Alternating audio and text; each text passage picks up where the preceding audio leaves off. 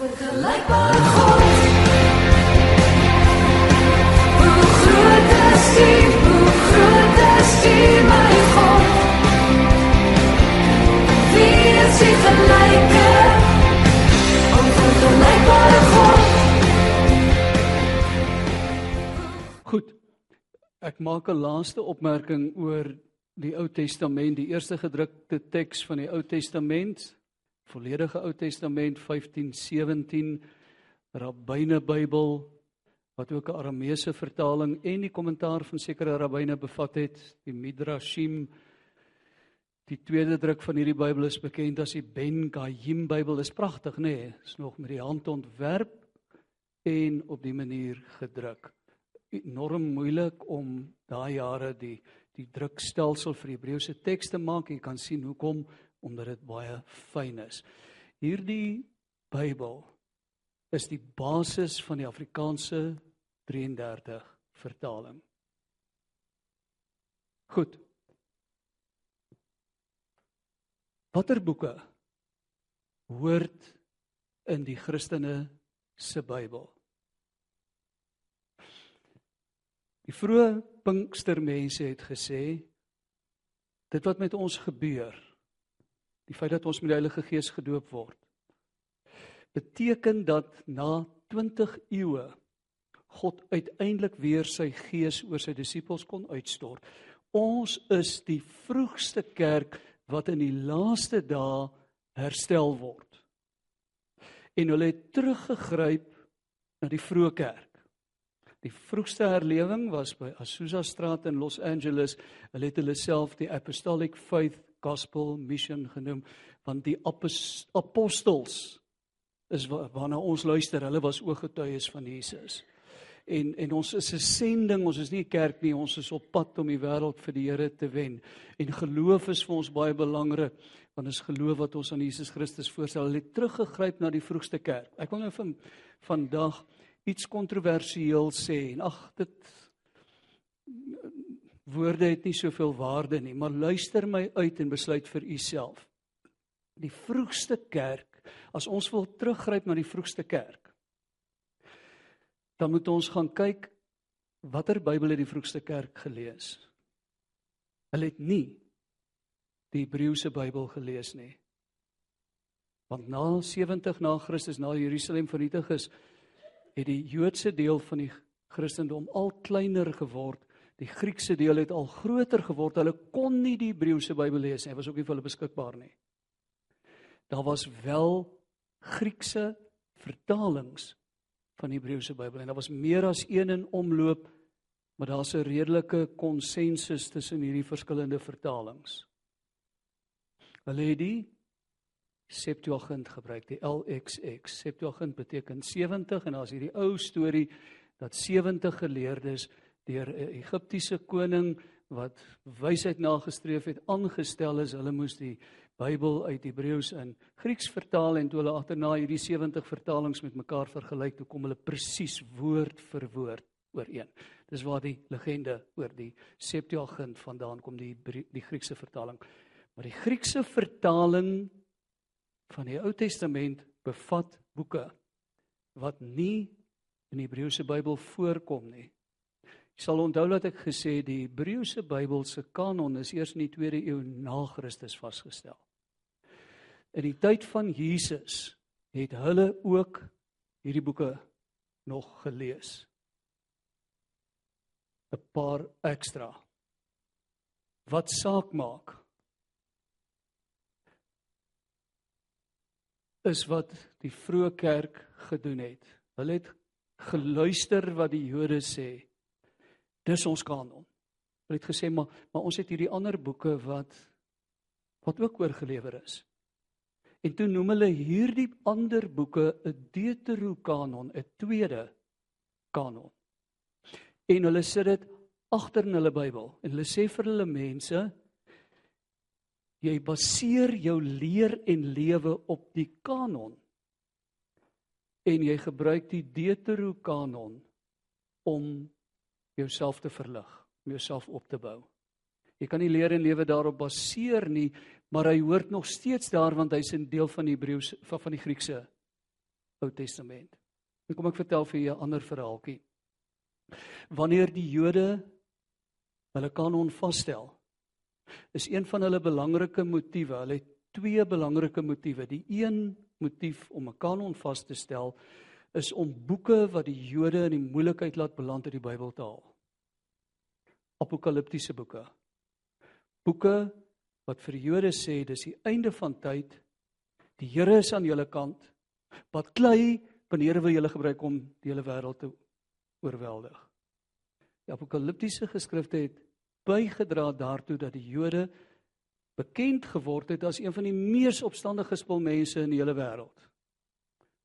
En wat die Joodse kanon doen is om Makabeërs wat die storie van die opstande vertel en van die ander apokaliptiese literatuur wat voorkom uit te laat. Maar daar's 'n tweede rede hoekom die Jode hulle kanon se grens nouer trek en hierdie boeke uitlaat, omdat dit boeke is wat in die Griekse vertaling van die Ou Testament voorkom wat deur die Christene waardeer en gebruik is.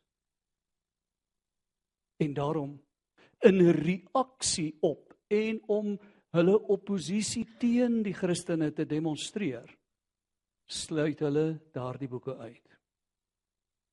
Ek wil voorstel dat as Pinkstermense wil teruggryp na die vroeë kerk, hulle die Deuterokanoniese boeke saam sal lees, maar nooit hulle lewe en leer daarop baseer nie. Dis pragtige verhale. Daar's die mooi gebed wat Manasse, hierdie heidense koning, Joodse koning, 'n uh, uh, Judeese koning, Israelitiese koning bid. Hy was goddeloos en aan die einde van sy lewe kom hy tot bekering. En as deel van die Deuterokanoniese boeke wat wat die protestante die apokriewe boeke, die valsboeke noem, kom daardie gebed voor. 'n Pragtige gebed. Hier's mooi verhale Judith en Tobit en en byvoegings by Ester, pragtige gedeeltes wat 'n mens se geloof kan verryk. Nie as kanon nie, maar as Deuterokanon. Maak dit sin wat ek nou vir u gesê het? Een van hierdie boeke 'n Nuwe Testamentiese boek net gou my rekenaar hier op die regte plek kry. 'n Nuwe Testamentiese boek haal ook uit een van hierdie boeke aan asof dit Bybel is. Want dit was Bybel. Daar het ek hom vir op die skerm. Nee, daar het ek hom nie vir op die skerm nie. Skus. Judas vers 14. Judas is daai kort briefie net hier voor jy by Openbaring knie diep in die moeilikheid beland met die apokaliptiese taal van Openbaring. Oor hierdie mense het Henog wat sewe geslagte na Adam geleef het, geprofeteer en gesê en hier kom die aanhaling uit die boek Henog wat u daarso vind. Kyk die Here kom met sy 10000 heilige engele en hy sal oor almal oordeel en die goddelose skuldig bevind oor al hulle goddelose optredes en oor al die skelwoorde wat die goddelose sondaars teen hom uitgespreek het. En dis 'n aanhaling uit die, die Henog boek 1 vers 9 Goed Dit was 'n terloopse opmerking maar ek dink is iets wat ons gerus kan oorweeg. Kom ons kyk gou-gou na die Nuwe Testament soos wat ons nou na die Ou Testament gekyk het. Ons het nie meer die oorspronklike manuskripte van die Nuwe Testament nie. Ehm um, alwaaroor ons beskik is dit klomp handgeskrewe afskrifte. Manuskripte handgeskrewe is dit letterlik. Van die heel oudstes dateer uit die 3de en 4de eeu, daar's so 'n stukkie wat uit die 2de eeu kom. Net enkeles, net stukkies. En soos wat die eeue aanstap, en die produk waarop dit neergeskryf word verbeter en Christene se ekonomiese posisie verbeter kan hulle beter produkte bekostig kry ons al meer manuskripte en ons het nou nou vir gewys hoeveel is daar uiteindelik as ook 'n klomp vroeë vertalings van die Nuwe Testament maar omdat daar 'n groot aantal Griekse manuskripte is speel hierdie vertalings nie so 'n belangrike rol in die vasstelling van 'n grondteks nie 'n grondteks is waar geleerde mense tekskritici gaan sit en al hierdie variante met mekaar vergelyk en wetenskaplike redes aanvoer hoekom dit dan waarskynlik in die oorspronklike teks gestaan het. Die wetenskap wat hom hiermee besig hou, um, is die tekskritiek. En mense wat dit doen, is hoogs opgelei kenners van tale. Baie van hulle het soveel ervaring dat hulle manuskripte in in terme van handskrif van individue wat dit gekopieer het herken dat hulle vir jou sal kan sê hierdie stukkie manuskrip en daardie een wat myle uitmekaar gekry het is deur dieselfde persoon oorgeskryf. Mens kan dit aan die handskrif sien. Goed. In die tekskritiek word daar gepraat van teksfamilies. 'n Teks is in 'n sekere area, kom ons sê rondom Antiochië of Alexandrië gekopieer en vir die kerke in die omgewing beskikbaar gestel. In Alexandrië, Antiochië is 'n ander teks wat daar gefunksioneer het gekopieer. Die tekste wat in sommige gevalle klaar variante gehad het, is getrou oorgelewer, maar in enkele gevalle het daar oorskryffoute ook gekom. Tekste is dikwels met die oorskryffoute weer gekopieer. En nou wanneer ons hierdie tekste langs mekaar, hierdie manuskripte langs mekaar sit, dan kom 'n mens agter dat dieselfde variante by van hulle voorkom. Nou gesit ons hulle bymekaar en in baie gevalle kan ons op grond van waar dit ontdek is aflei waar dit ontstaan het. Ons kan selfs in sommige gevalle aflei dat 'n manuskrip wat in Alexandrië ontstaan het op 'n manier in Rome gekom het en ook daar gekopieer is en die die variante wat daarin voorkom is ewe getrou in 'n sekere deel van die Romeinse provinsie ook met die hand oorgeskryf. Nou is dit ook vir ons moontlik om te sê daar sommige teksfamilies wat waarskynlik nader aan die grondteks is omdat dit wat hulle ons bied vir ons minder probleme veroorsaak as van die ander. Hier het hy nou 'n uh, 'n papirus, die oudste een wat uit die 2de eeu ontdek is. Jy kan nou sien dit nogal ingewikkelde saak is om te probeer verstaan wat daar staan, hoe pas dit by mekaar, maar dis 'n gedeelte wat uit die Petrus um sendbrief kom. Hier is so 'n versameling van teksfamilies. Daar's Sumeriese, Egiptiese, die wat met 'n Kanaanitiese alfabet geskryf is. En en hierso is nou spesifiek die Hebreëse teks se teksfamilies. Maar ons het nou vir gesê die Hebreëse teks is eintlik so oorgelewer dat dat daar baie min variante voorkom. Maar selfs daar kan ons 'n klomp teksfamilies onderskei. En dan kan ons sê hierdie streep kan jy maar uitlos. Dis nie 'n baie goeie oorlewering nie. Maar hierdie ou Hebreëse een, toevallig is dit ook so, hierdie ou Hebreëse een wat ook in Samaria ontdek is, heelwat manuskripte is waarskynlik een van die vroegste, een van die oudste en as jy dan 'n keuse maak, dan doen jy dit ook soms in dikwels in terme van 'n teksfamilie. Dit maak ook dikwels die meeste sin. Die resultaat van die studie van die verwantskap tussen die verskillende manuskripte is onder andere dat daar teksfamilies bepaal is, dat daar stambome vir die teksfamilie opgetrek is en soos dit met enige stamboom gaan is daar ook hier die verskynsel dat hoe vroeër mense in die geskiedenis teruggaan hoe minder manuskripte is daar. In baie gevalle hoe nader is dit aan die grondteks en hoe meer betroubaar is dit. Hoe hoe meer manuskripte daar is hoe meer dui dit daarop dat dit 'n later 'n teks is Heel vroeg was daar net een manuskrip. Die oorspronklike, sê maar Paulus se brief aan die Romeine. Dan word daar argumente onthaalwe drie afskrifte daarvan gemaak. En hulle word op drie verskillende plekke gebruik en in bewaring gehou. Elkeen van hierdie afskrifte word weer die moeder van verskillende ander afskrifte. En as daar 'n foutjie insluip, dan word hy geperpetueer, word hy oorgedra. Wat saak maak En dis waar 'n groot probleem inkom wanneer oor die regte grondteks geredeneer word of dit nou die Textus Receptus is of die Biblia Hebraica Stuttgartensia of watter een van Nestle Aland of watter grondteks jy nou ook al voor sou kies ons redeneer met mekaar en sê hierdie is 'n beter grondteks omdat daar meer manuskripte ter ondersteuning daarvan is. Het ek reeds vir u gesê dis nie 'n geldige argument nie. Dikwels is die minder manuskripte 'n aanduiding dat dit 'n vroeër en 'n ouer familie is. Dat dit ouer en vroeër is beteken nie dis beter nie.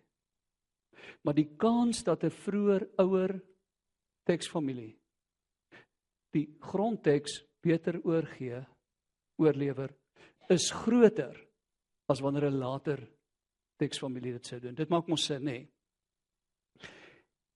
Die tekskritiek probeer om om 'n betroubare grondteks saam te stel.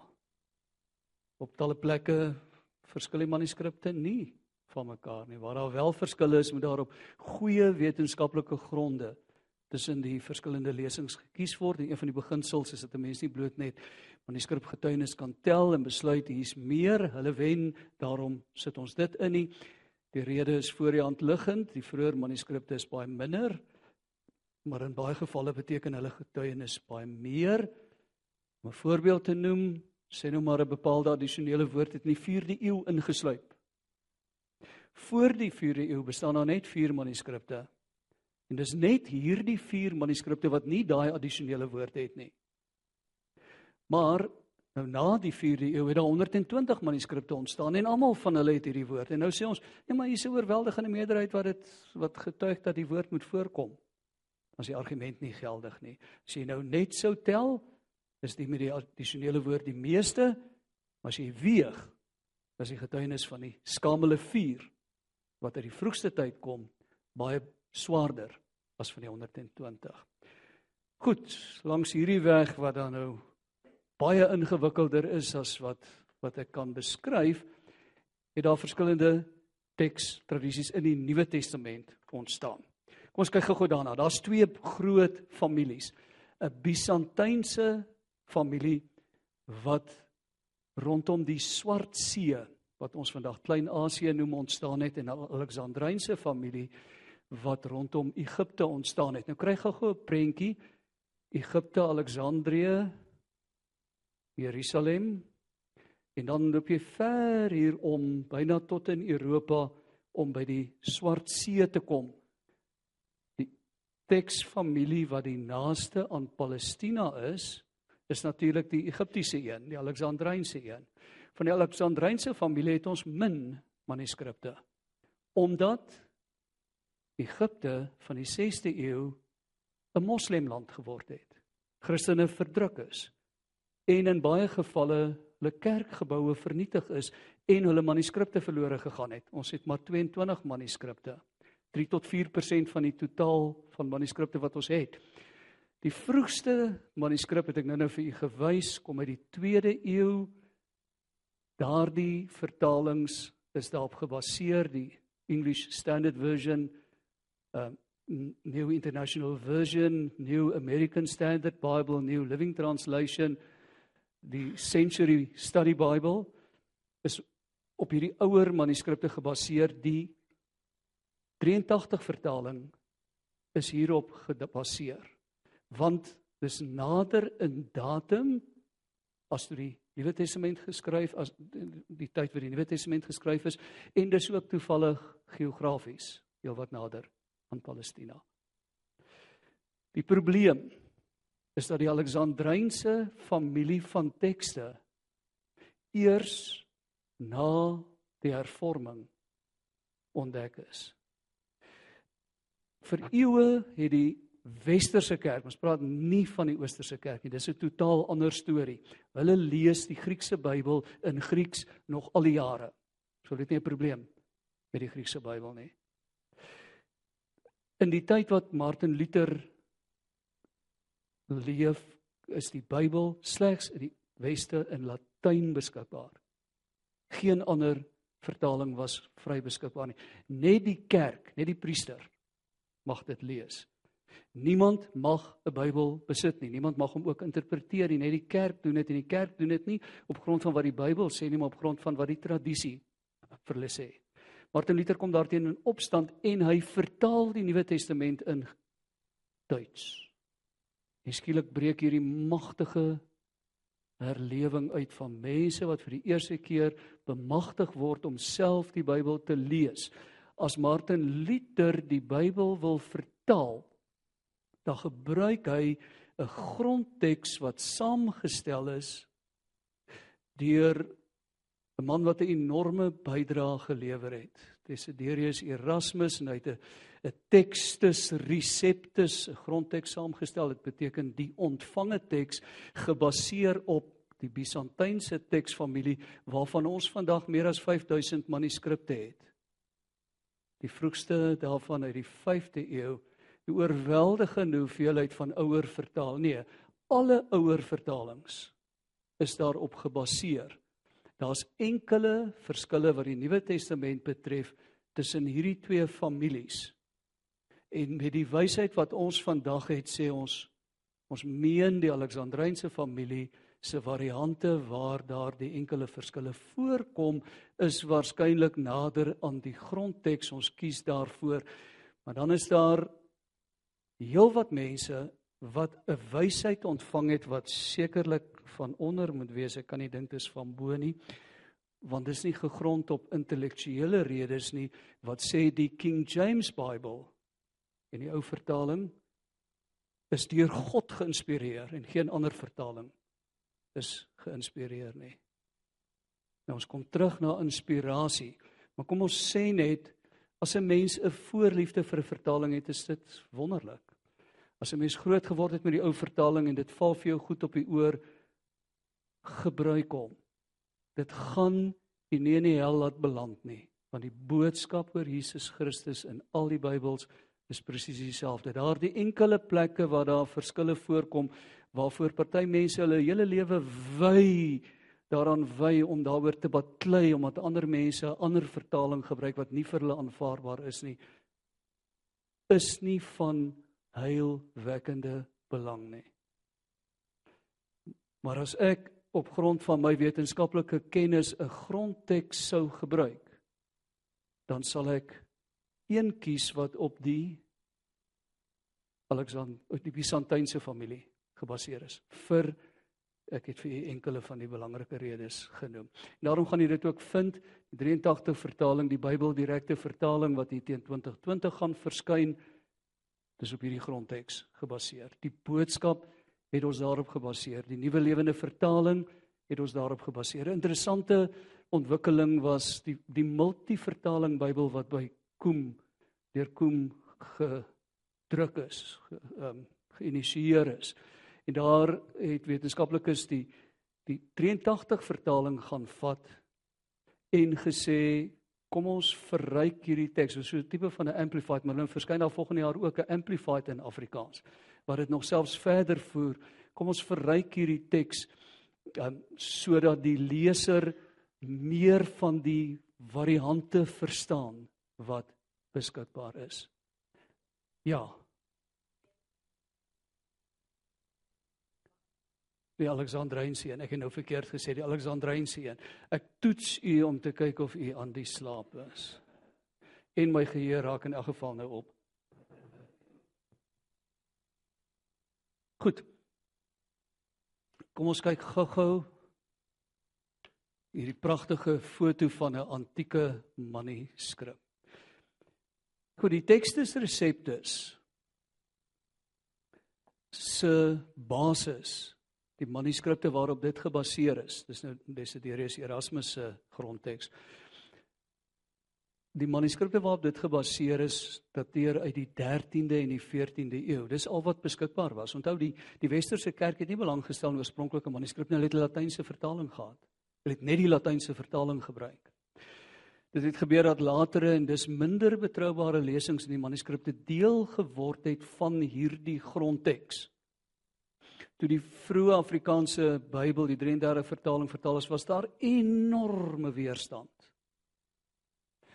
Die ou tannie het dit mooi verwoord as as as Hollands vir Paulus goed genoeg was vir wat met die Bybel in Afrikaans gedruk word. Daar was enorme weerstand en die Bybelgenootskap het daardie tyd vir Tertius gesê jy vertaal uit die oorspronklike tale maar dit klink soos die state vertaling. En daarom is die 33 vertaling tot 'n groot mate 'n vertaling van die Staten vertaling, die ou Hollandse vertaling. En die gebreke daarvan is die gebreke wat in die ou Hollandse Bybel voorgekom het. Goed intussen is daar daar duisende manuskripte in ou biblioteke en kloosters ontdek. Ehm um, die meerderheid van hierdie manuskripte is eers sedert 1956 beskikbaar gestel. Dit het vir baie lank bestaan. Maar niemand het dit van enige nut gevind om in die klooster se ou biblioteek te gaan grou en hierdie ou manuskripte fotokopieer en beskikbaar te stel vir wetenskaplikes nie. Met ander woorde, vir baie eeue was dit net nuwer manuskripte wat beskikbaar was buiten die gedrukte manuskripte van die 16de eeu af. Die ou ou manuskripte is maar eers die laaste 50 jaar beskikbaar gestel. So,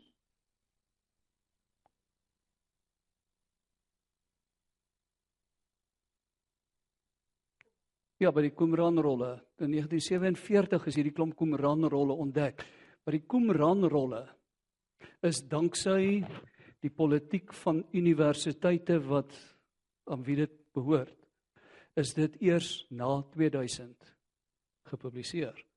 Ons het tot die grootste deel daarvan geen toegang gehad nie totdat iemand van die Vatikaanstad die inisiatief geneem het en hierdie universiteite gaan oortuig kom ons werk net vir 'n verandering voor die Here terugkom saam en ons publiseer hierdie goed. Daar's byvoorbeeld die die Martin Botmer papierie versameling wat eers in die 60er jare vir navorsing beskikbaar gestel het. En onder hierdie versameling was daar verskillende manuskripte en dele van manuskripte wat selfs uit die 2de eeu dateer. Maar wat voorheen nie net onbeskikbaar was nie, maar dit was ook onbekend dat dit eers bestaan het. 'n Grondteks wat dus na 1960 saamgestel is, kon gebruik maak van manuskripte wat soveel nader aan die oorspronklike is. Nie minder nie as 10 eeue nader as die manuskripte wat vir die eerste gedrukte grondtekste gebruik is. Onthou nou, ons het nou hierdie lang argumentasie oor 'n klompie kleiner verskille. Maar ek wil tog hê jy moet hierdie klompie kleiner verskille kan plaas. Saam met die nuwe ontdekkings van ouer manuskripte die tekskritiek wetenskap ook ontwikkel betroubare metodes om die ouderdom van tekste te bepaal Ons kan dit doen met koolstoftoetse. Die gevolg hiervan was dat daar sedert die laaste helfte van die vorige eeu 'n baie betroubare grondteks saamgestel is en en die verskillende grondtekste wat saamgestel is kom ook in byna alle gevalle ten volle ooreen. Goed, kom ons kyk gou-gou na die belangrikste Griekse manuskripte wat oorgelewer is. Die heel belangrikste is die Codex Sinaiticus dateer uit die 4de eeu 'n boek met die grootste deel van die Nuwe Testament. Pragtige manuskrip op perkament 'n baie afgeleë Katarina klooster op die Sinaï berg in 1844 ontdek. Die Codex Vaticanus kry sy naam van die plek waar hy tans is in die Vatikaanstad in Rome. Dateer ook uit die 4de eeu. Navorsers aanvaar dat hierdie kodeks saam met Sinaiticus die betroubaarste Griekse teks van die Nuwe Testament is. Hier's 'n afskrif uit die Codex Alexandrinus wat uit Alexandrië kom en 'n baie goeie voorbeeld is van wat ons gepraat het as die Alexandrynse tekstradisie. Hier's die Codex Bezae die westerse teks, Byzantynse teks, baie goeie voorbeeld van wat ek genoem het as die Byzantynse teks, familie. En dan die Codex Ephraimi, die 5de eeuse palimpsis. Wie kan onthou wat 'n palimpsis is? Wat uitgevee en weer oorgeskryf is. 'n Herwinde kodeks en die bladsye is weer eens volgeskryf. Ongelukkig het die teks begin vergaan en daarom vloei hierdie twee tekste in een, maar dis moontlik om dit met lig met verskillende kleure lig te lees. Van die bekend belangrikste papier is fragmente. Dis die Chester Beatty, die 3de eeu, die Bodmer papirus uit die 2de eeu en dit het ongelukkig grootendeels verlore gegaan as gevolg van hantering daarvan wat nie op die regte manier gebeur het. En dan bykomend tot hierdie Griekse manuskripte is daar ook antieke vertalings. Grieks was die algemene spreektaal, maar later het Latyns al meer die wêreld oorgeneem en daarom is die Bybel ook in Latyns vertaal. Die vertaling het na 382 gebeur die Latynse vertaling word die Vulgaat genoem. Vulgaat beteken algemeen, soos katoliek.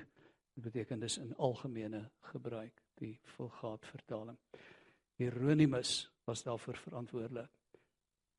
Goed, wat impliseer tekskritiek vir die gesaghebendheid van die Bybel. Waaruit bestaan die gesag van die Bybel, die autoriteit van die Bybel?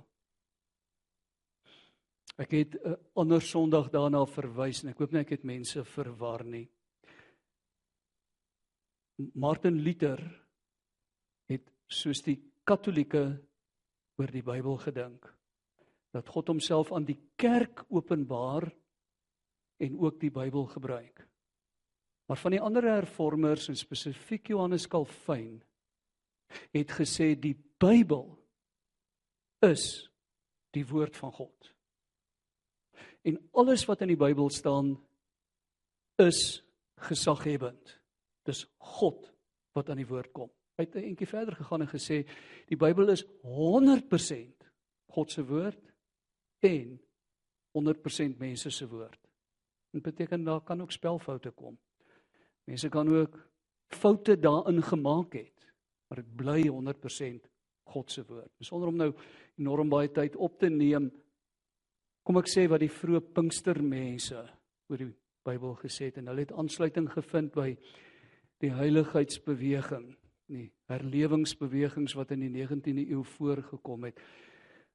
Hulle het geleer die gesag van die Bybel lê daarin dat dit die woord van God kan word wanneer die Heilige Gees daardeur met 'n mens praat. Wat saak maak is nie die Bybel nie. Die gesag lê nie in die Bybel nie. Dit lê in God. En hy openbaar homself soos hy wil. Hy doen dit primêr deur die Bybel. Maar hy nie 'n gevangene van die Bybel nie. Hy kan dit ook buite die Bybel doen. Hy kan met 'n deur 'n insig in jou hart met jou praat. Hy kan deur 'n profesie of die uitleg van 'n taal of 'n woord van wysheid of 'n woord van kennis met 'n mens praat. Hy kan deur iets in die natuur of deur die glimlag van 'n kind of 'n opmerking wat iemand maak of 'n vriendelike gesig kan God se stem vir jou lewe word. Of wat saak maak is dat jy die manier waarop hy homself in antieke tye aan mense openbaar het in die Bybel behoorlik sal bestudeer om seker te maak dat wanneer jy nou van God hoor jy nie jou eie stem of dalk 'n bose gees se stem hoor nie. Jy moet dit meet.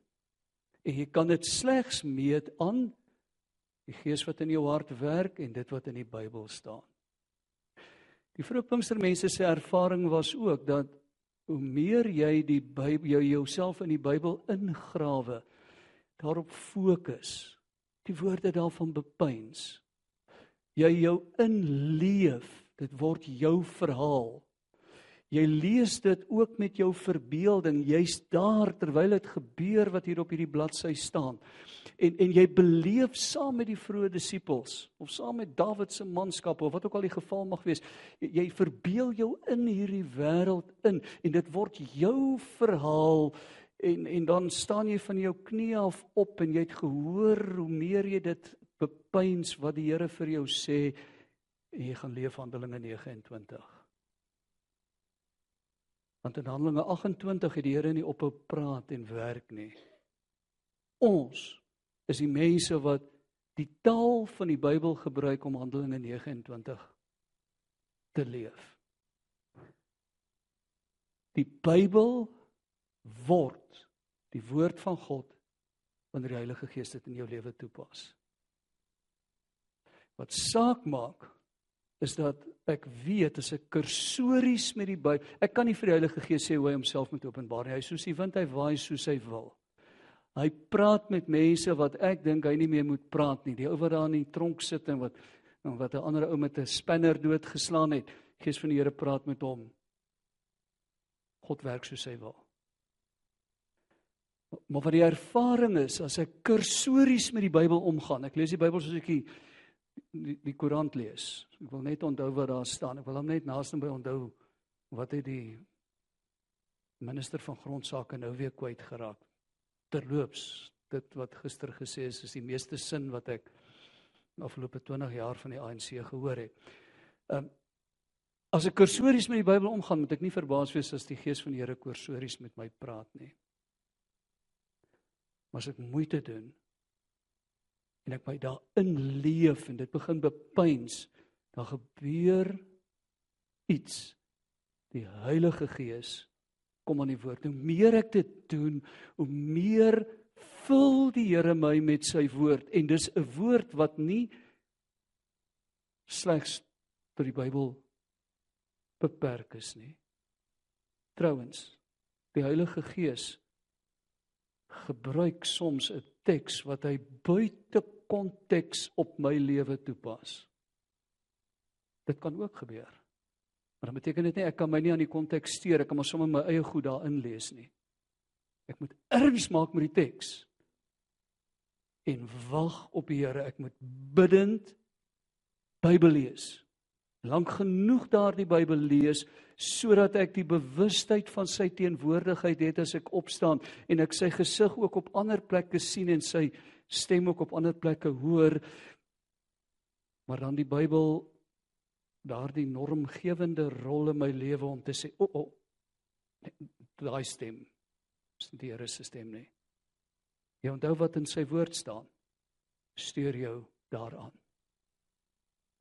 tekskritiek bedreig nie Christene se geloof nie. Want hulle geloof is nie in die Bybel nie. Hulle God is nie 'n gevangene van die Bybel nie. Kom ek sê nou iets wat belangrik is wat die Christen kan onthou. Die Mohammedane dink anders oor die Koran as wat ons oor die Bybel dink. Hulle sê en onthou Mohammed was totaal ongeletterd. Hy kon nie twee letters na mekaar herken nie. Hy het alles wat aan hom openbaar is gesê en ander het dit neergeskryf. Koran beteken om te herhaal.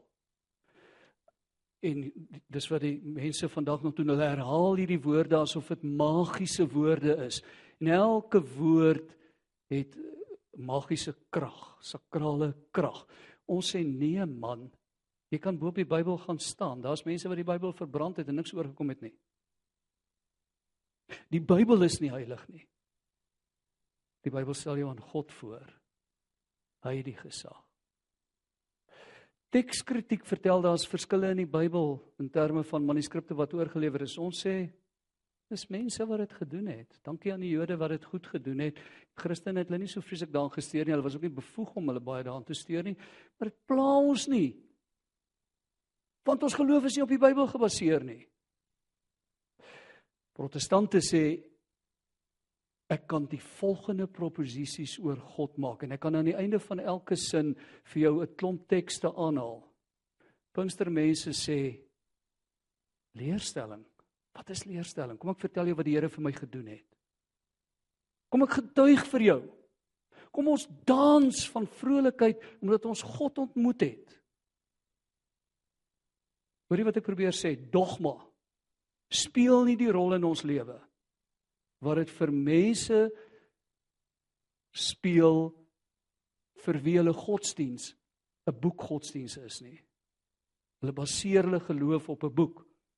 Ons sê dankie Here vir 'n boek wat ons aan God voorstel en ons baseer ons geloof op hom. Daarom sing en dans ons ons geloof. Ons probeer nie allerlei moeilike proposisies uitdink daaroor nie. Ons sê en as jy van God praat en jy stotter nie, jy kry nie die woorde om dit te doen nie, praat jy nie van God nie man. Jy praat van 'n boek God. Die ware God wat jou ontmoet het. Dit is so onverstaanbaar, hy het jou kop so oopgemaak. Lê jy as jy van hom praat in tale praat. Want jou eie taal is nie bevoeg om dit te doen nie. Hoor jy wat ek vir probeer sê? Die gesag van die Bybel gebeur wanneer God hom daardeur openbaar. Maar hy is nie gevangene daarvan nie. Tekskritiek, verskille in die Bybel, die feit dat die oorspronklike grondteks van Markus hier in die lug hang. Die disippels het geskrik, hulle was bang, hulle het weggehardloop. En dat ons nie die die die die langer einde van Markus beskou as deel van die grondteks nie sê niks. Dit bedreig nie ons geloof nie. Ons sê weet jy wat? Ons was daai disippels wat saam weggehol het. Maar dank die Here. Hy het ons weer gaan haal en weer en weer. En nou is ons sy disippels. Enige vrae rondom hierdie saak? Want dis waarby ek wou uitkom. Ek wou vir u die storie van die Bybel vertel om te kom by maar waarin lê die gesag van die Bybel? En ek wil u opgewonde maak oor die Bybel. Dit bly die primêre bron vir Christene om hulle aan te moedig om God self te ontmoet. Nie om inligting oor God in die Bybel te kry nie. Dis tweedehandse inligting. Ek weet baie dinge van Trump soos u ook. Dit beteken nie ons ken hom nie. As jy nie God eerstehands ontmoet nie, dan gaan dit wat jy in die Bybel lees vir jou baie mooi wees gaan nie jou lewe verander nie. Jou lewe transformeer eers as die God van die Bybel jou God word. En skielik lees jy die Bybel en jy sê dis hy. Dis hoe God werk. Dis wat hy vir my gedoen het. Of is dit nie wonderlik nie? Dis wat hy nog vir my gaan doen. Die Bybel word die spyskaart wat vir jou vertel wat alles nog vir jou wag en 'n paar goed wat vir jou wag as jy van hier af verhuis na 'n beter plek en die lewe wat hy jou gegee het so oorweldigend word. Gemeenskap met hom word vir jou so belangrik dat op 'n dag vind jy uit nou, ek is nou nie meer by my huismense nie. Ek is nou in 'n nuwe wêreld. Ek leef voor God se aangesig. Die dood het my pad langs gekom. Vir die feit dat hy nie vra vra nie, kan een van twee dinge beteken. U stem saam of u stem nie saam nie. Goed, Die 33 vertaling se grondteks was daardie tekstes reseptes wat gebaseer is op manuskripte, noodwendig uit die 13de, 14de en 15de eeu en wat Desiderius Erasmus 'n deeltjie van die Hebreërsbrief nie in Hebreëus eh, in, in in Grieks in die hande kon kry nie en toe so vriendelik was om dit self uit die Latyn terug te vertaal in Grieks om 'n volledige grondteks te kon hê.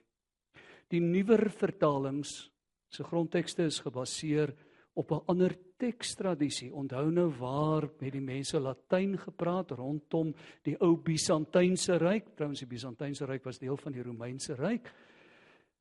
Die nuwer vertalings is gebaseer op die Griekse vertalings wat hier in die suidekant van die Middellandse See naby Palestina in Egipte gefunksioneer het. Die rede hoekom die vertalings ook in Palestina weggeraak het is omdat daar nie juis Christene in Palestina was nie.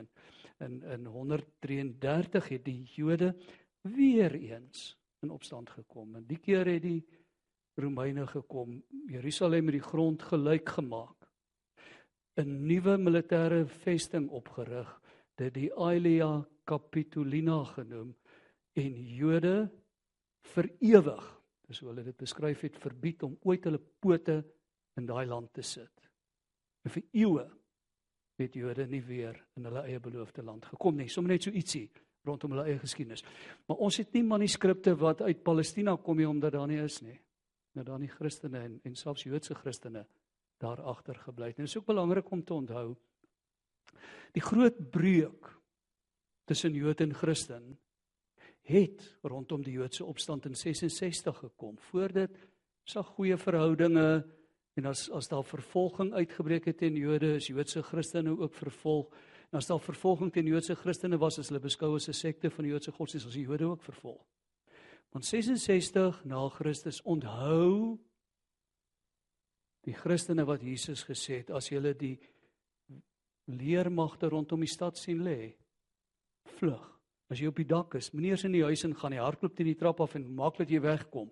Die oomblik toe die Joodse opstand uitbreek het die Joodse Christene weggevlug. Het in Pella in Transjordanië gaan bly wat vandag Jordanië is.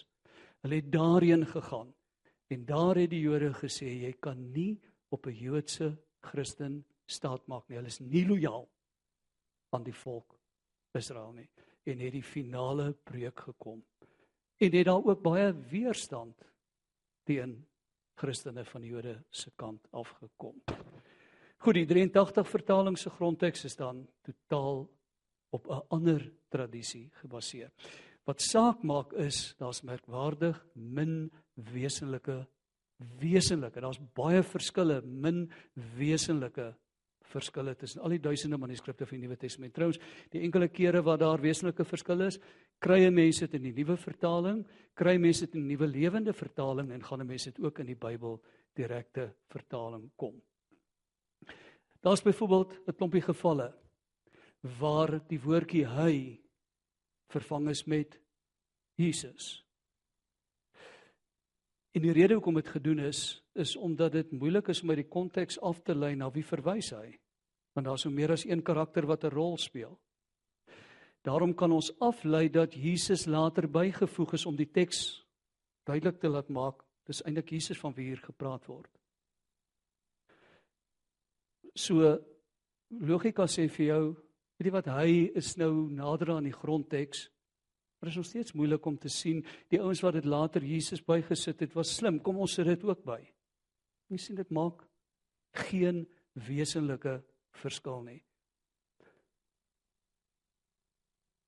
Goed, vergelyking van die bestaande Afrikaanse vertalings. Ag, hier is nie verskriklik belangrik nie, maar kom ons kyk gou-gou daarna. Die 33 vertaling se filosofie was 'n poging om letterlik te vertaal. My horing is hoog in die Here. Nou, die moderne jong mens sal vir jou sê, is jy getak in jou kop. Wat beteken dit? Goedertierenheid. So net die apostolies wat weet wat dit beteken want hulle sing daai liedjie van die goedertierenheid van die Here. Maar ek vermoed die deurs nie apostolie weet ook nie eintlik wat dit beteken nie. Goedheid. Baie van die vorm van die oorspronklike teks word behou omdat dit letterlik is.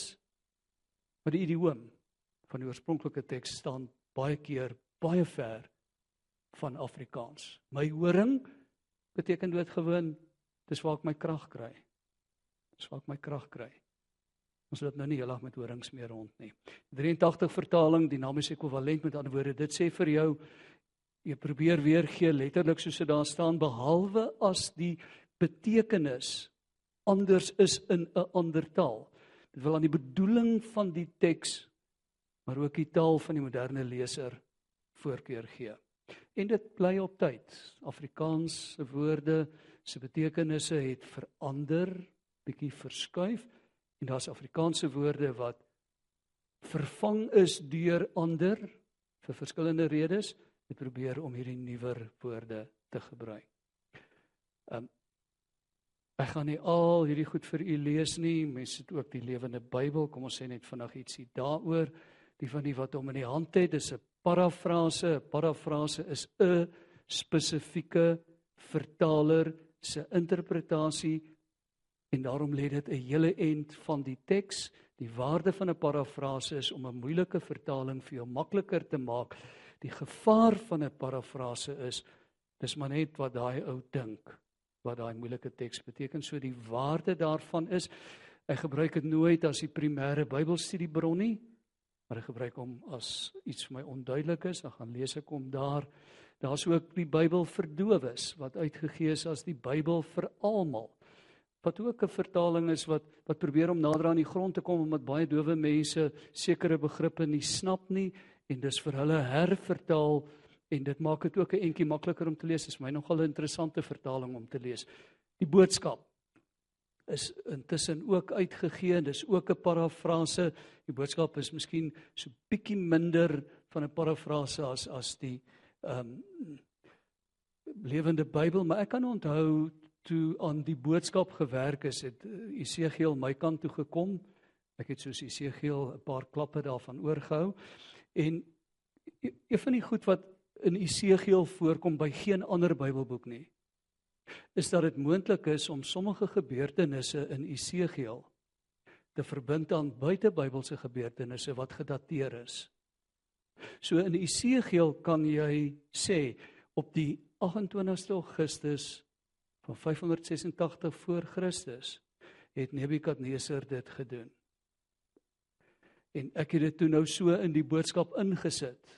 En daar was 'n furor daaroor gewees. Gesê maar dit staan nie in die Bybel nie. Jy kan nie dit insit nie. Maar die doel van 'n parafrase is om vir jou nie te sê presies wat in die Bybel staan nie, maar te verduidelik wat daar rondom gebeur. So hou dit in gedagte. Ek het reeds iets gesê oor die multivertaling Bybel. Kom ek sê iets oor die Bybel direkte vertaling waarvan die Nuwe Testament reeds verskyn het. Dis 'n direkte vertaling, 'n letterlike vertaling. Maar dis 'n letterlike vertaling wat sê my horing is vol. Maak nie sin nie. Daarom moet ek dit so weergee dat dit sin maak. As die idioom sodanig verskil dat dit onverstaanbaar is, moet ek die idioom ook vertaal. Dis ook 'n vertaling wat die Bybelgenootskap het uitgee wat taalkundig ongelooflik goed versorg is. Dis 'n vertaling wat elke keer deur hierdie klomp fases gaan en elke keer is daar 'n span van 4 en dit word 5 keer herhaal en die ou wat die oorspronklike vertaling doen, ek het twee boeke in die Ou Testament vertaal en dit wat ek vertaal het en dit wat aan die einde van die 5de fase kom, lyk glad nie na mekaar nie. Want intussen is daar kommentare oor tekste geskryf. Sommige mense was ontsteld oor die 83 vertaling omdat daar profeseë in die Ou Testament is wat deur Jesus en soms ook deur ander op die Messias, Jesus as Messias toegepas is. Die ou vertaling het daardie gedeeltes met 'n hoofletter vertaal. Die nuwe vertaling, die 83 vertaling se vertalers het geredeneer die moderne leser moet daarin ook Jesus raak sien, verwysings na Jesus as die Messias, maar wat belangrik is is dat die moderne leser eers sal vra wat het dit vir Jesaja se mense gesê? voordat hy sê Maar wat het die vroeë Christene met hierdie teks gedoen? Hoe het hulle dit op Jesus toegepas? Die jong vrou sal swanger word en 'n kind in die wêreld bring en voor hierdie kind gesoog is, sal die vyand uit die land weggetrek het. Ja, die vrou het swanger geword. Nou, nou is daar 'n probleem met daardie teks in Jesaja want die Hebreëse woordjie beteken die jong vrou. Dit is baie duidelik dat dit na Hiskia se vrou, die koning se vrou verwag. Sy was jong, jonk. Sy het swanger geraak. Sy het 'n kind gekry en voor hierdie kind begin rondhardloop het, het die Assiriërs uit die land weggetrek. Maar die Griekse vertaling van die Hebreëse Bybel het 'n woordjie gekies wat ook as maagd vertaal kan word. Die vroeë Christene gebruik die Griekse vertaling van die Hebreëse Bybel. Hulle lees hierdie teks die maagd sal swanger word en dit en dit gaan gebeur en hulle sê dis Maria. Verwys na Maria. En nou sê ons omdat dit na Maria en Jesus verwys moet daai teks se seun met 'n hoofletter kom. 83 vertaling het gesê, ja, dit verwys ook na Maria en Jesus. Maar aanvanklik het dit na Hiskia se vrou en haar seun verwys. sien u wat ek probeer verduidelik? En nou was daar sommige kerke waaronder die AGS wat by die Bybelgenootskap gaan sê het die Bybeldirekte vertaling gaan weer daardie tekste met die klein letters vertaal. Ons wil 'n hoofletter vertaling hê. Toe sê die Bybelgenootskap nou my help ons om dit te doen. En nou gaan u ook in die hand 'n hoofletter vertaling van die Bybeldirekte vertaling kry wat sulke tekste dan met 'n hoofletter vertaal. Maar onthou nou wat ek vandag vir u vertel het. Moet nooit daai teks lees asof dit net na Jesus verwys nie. Dis 'n Ou Testamentiese teks. En hy het in die Ou Testamentiese opset 'n betekenis wat later deur die kerk op Jesus van toepassing gemaak is. Dit was my laaste opmerking. Ek gaan hierdie klomp goeters oor Engelse vertaling sê nie as jy meer wil weet daaroor. Is jy welkom om met my te gesels. Kom ons bid saam. Hemelse Vader. Ons praat vandag baie oor die Bybel. Die Bybel is nie 'n boek wat eintlik bepraat wil word nie. Hy wil belees word. Dat ons studie oor die Bybel ons maar net elke keer sal aanmoedig om die Bybel self te bestudeer. Maar Here om nooit Bybel te bestudeer as 'n boek met 'n klomp inligting, historiese en feitelike en geloofsinligting nie. Dat die Bybel sal gebeur. Die Bybel vra om die godsverhaal in ons lewe te laat plaasvind dat ons geloof gebaseer sal wees wat daar staan op wat u daar met ons praat maar dat dit nie daarby bly nie dat ons u ontmoet en dat u gees ons lewe inrig. Die woord het mens geword en onder ons kom woon. En toe die woord weggegaan aan die regterkant van die Vader kom sit maar die woord word elke keer weer mens. Wanneer 'n gelowige mens tussen ander kom wat moedeloos is, wat stikkend is, wat eenkant bly lê het en die Christen wat sê die Here leef. Die Here gryp in hierdie omstandighede in. Die Here vergewe jou sonde. Die Here maak jou nuut sodat jy op 'n ander manier jou huwelik kan bedryf en jou gesin se lewe kan red. U woord gebeur wanneer ons Handelinge 29 word. En dis my gebed. Here dat dat ons bestudering van die Bybel ons in God se woord vir hierdie wêreld verander. Mense wie se harte vol is van die woord en wat gerig en gedryf word deur die Heilige Gees. Amen. Onvergelijkbare God.